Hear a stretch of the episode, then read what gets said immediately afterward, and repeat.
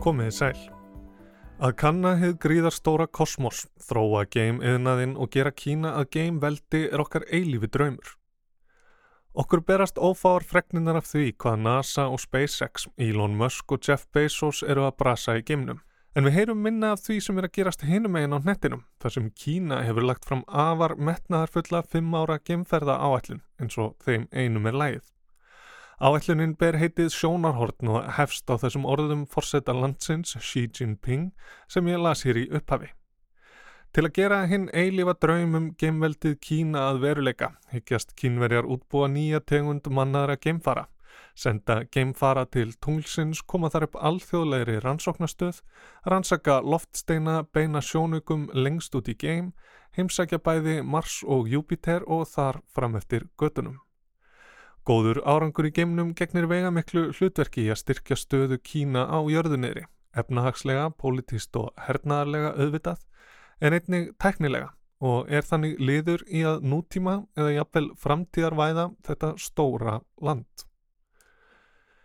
Ég heiti Snorri Rafn Hallsson og þú ert að hlusta á þetta helst. Helst í dag eru framtíðar áform Kína í geimnum. Blast off. Six YF-100 engines uh, ignite at the same moment. Uh, and at this moment, the first critical action will be the pitch over, which means that its direct change its direction uh, from going upward to the uh, to the east, uh, southeast. Það er ekki bara fimm ára áallanir sem gemferða yfirvöldi í Kína sækja til Mao formans, heldur tilheyra margar flögar þeirra Chang-Zheng línunni sem dregur napsitt af göngunni lungu sem markaði upp að við að uppgangi Maos. Einn slík af nýjustu gerð, Chang-Zheng 7, hóf sig á loft á dögunum frá Hainan eigu sunnan af meginlandi Kína. Við herðum hér lýsingu á því hvernig flögin tók stefnuna í suð-östur. Áfangastæðurinn er hins splunkun í að gemstu kynverja, Tiangong 3 eða himnahöllin sem sveimar á sporbögum jörðu í 340 til 450 km hæð, en hún var tekin í gagnið undir lok ást 2022. Tungutak gemferðar áallunar Kína er fallegt. Vísanir nafna er ekki í gríska og rómverska guði sem eitt sinn réðu heimintunglunum og við mannfólkið reynum að líka eftir. Heldur eru nöfnin drömkjent Himnahöllin samanstendur af þremur einingum, kjarnanum, tíanhe eða samhljómi himnana sem hýsir vistarverur og stjórnbúnað og svo tveimur tilrunastofum, Ventían, leitinni að himnunum og Mengtían, himna drömnum. Ómannaða farið sem kynverjar sendu í kringum tunglið 2007 var nefnt Chang-e-1 eftir Álvadís sem stál eilífðar eliksýr eiginmann síns, drakkan, flög til tunglsins og varðað himna giðju. Chang-Sheng flögin var á leið til himnahallarinnar með eldsneiti, född, vatn og vistir fyrir geimfarana þrjá sem þar dvelja.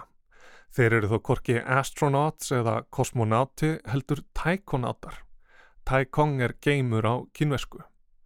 Um borði himnahöllinni stunda þeir, já þeir, yfirgnefandi meiri hluti kynveskra geimfara hinga til hefur verið kallmenn, rannsóknir á ymsum sviðum allt frá geimlækningum til þjarkafræða, gerfigreindar, líftækni og þrývítar prentunar í þingdarleysi. Himnahöllin er önnur tveggja gemstöða á spórbögum jörðu og er Kína nú eina landið sem rekur eigin gemstöð.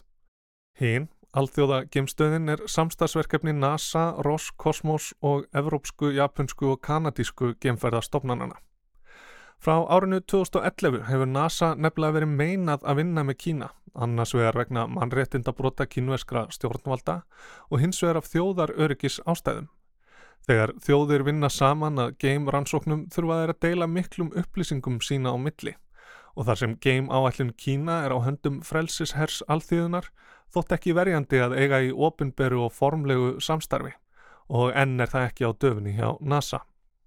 Kína hefur því verið mestmægnis eitt á báti þegar kemur að geimferðum og lengst af hafði landið lítið til að státa sig af. Á meðan Bandaríkinn og Sovjetrikinn flugu sitt geimkapplaup var Kína varla debill á ratsjáni.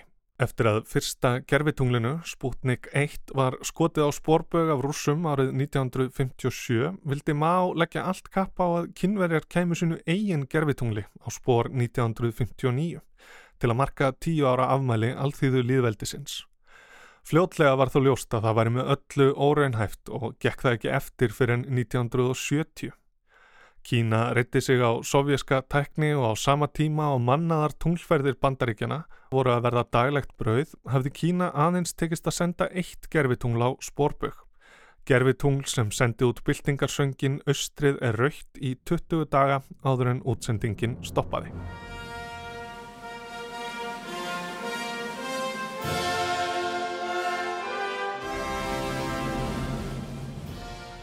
En síðustu tvo áratugji frá því Kína sendi sinn fyrsta geimfara át í geim árið 2003 hefur landið gert sig gildandi í geimnum og náð undraverðum árangri tekið fram úr rúsum. Aðeins fjórum árum síðar náði Kína tveimur merkum áfengum. Síndi að það gætt skoti niður gerfitungl nokkuð sem aðeins rússar og bandaríkin höfðu gert og sendi Chang'e á sporbögum tunglið. 2012 var frumgerð af himnahöllinni svo komin á loft og hún heimsótt af geimförum en það eru einmitt tunglið, himnahöllin og gerfinettir sem eiga hug kynverja. 2013 lendi Chang'e 3 á tunglinu á Mare Imbrium með U2 tungljapan, þann fyrsta síðan sovjerski Lugnokot 2 gaf upp öndina 1973. Evrópska geimferðarstofnunin hafði þá gert tvær tilraunir til hins sama án árangurs. Áallega var að YouTube geti rannsaka tunglið í þrjá mánuði áður en hans byðu sömu örlög og lúnokott en öllum að óvörum og þrátt fyrir miklar bilanir held hann sér gangandi í á þriðja ár og setti þar með heimsmet eða gamesmet. 2019 tókst Chang'e 4 að verða fyrst geimfluga til að lenda á myrkullið tunglsins og 2020 snýri Chang'e 5 tilbaka með tunglsíni. Frá 2021 hefur himnahöllin svo verið mönnuð þremur gemfurum í einu sem dvelja sex mánuði í senn og ráðgjert er að hún verði virk í að minnstakosti áratug, mögulega einn og halvan.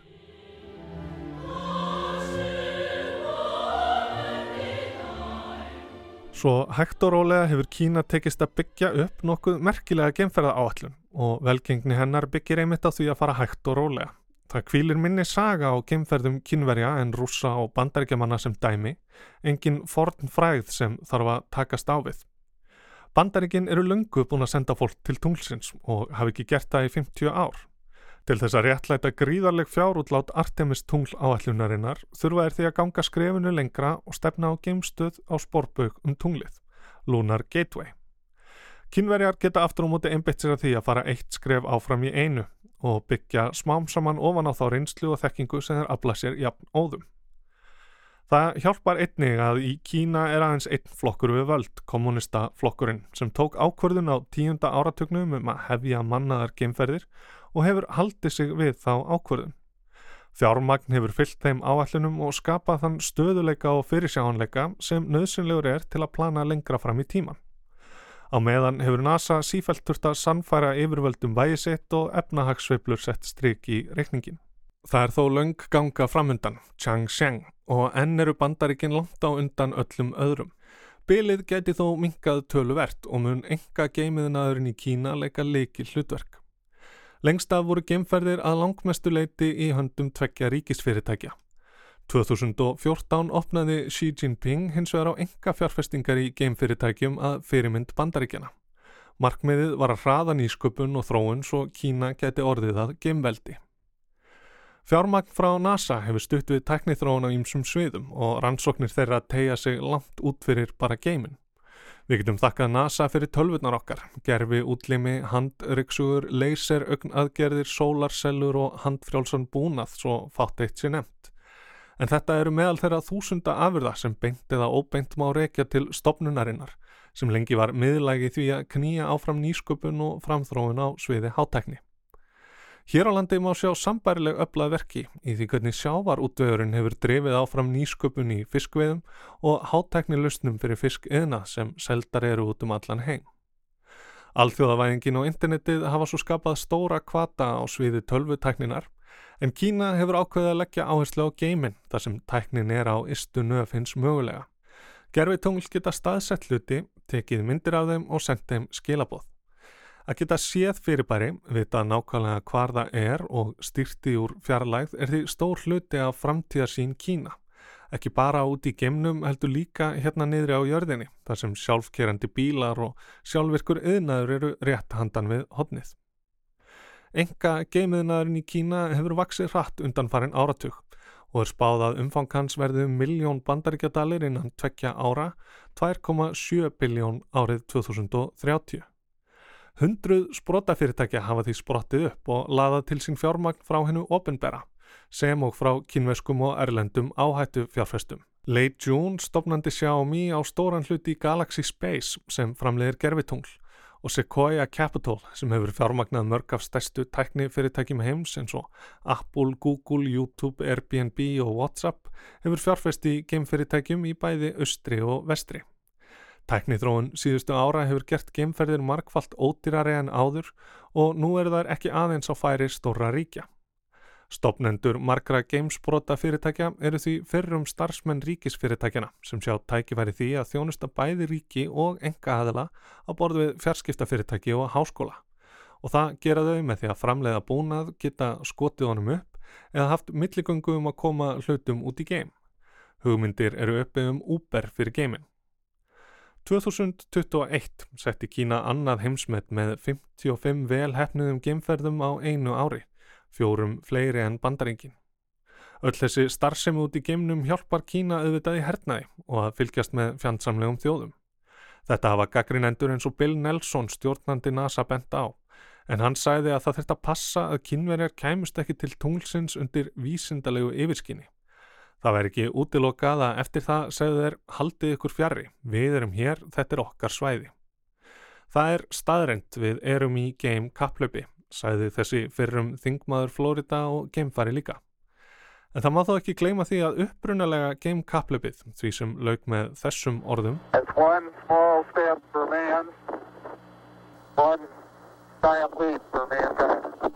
snýrist einnig um hernaðlega yfirbyrði. Geimferðir hafa alltaf gert að einhverju leiti hvort sem það eru kynverja, rússar eða bandaríkjaman sem standa að baki þeim. Það má svo deila um hvort það sé gaglegt yfir höfuð að tala um nýtt gamekaplöp, ekki á milli bandaríkjana og sovjetríkjana, ekki á milli Elon Musk og Jeff Bezos, heldur Kína og bandaríkjana. Svo margt hefur breyst frá því Júri Gagarin sveimaði á sporbögum jörðina og Neil Armstrong og félagar skoppuðu um á tunglinu og markmiðin eru nú allt, allt önnur. Ef um nýtt gamekaplaup er að ræða vinsta ekki af þeim sem er fyrstur til að komast á tiltekinn stað, segjum Mars heldur vinsta af þeim sem er fyrstur til að koma sér fyrir þar, hafa varanlega viðveru í geimnum. Möguleikarnir, tækifærin og kvatarnir eru einnig miklu fleiri.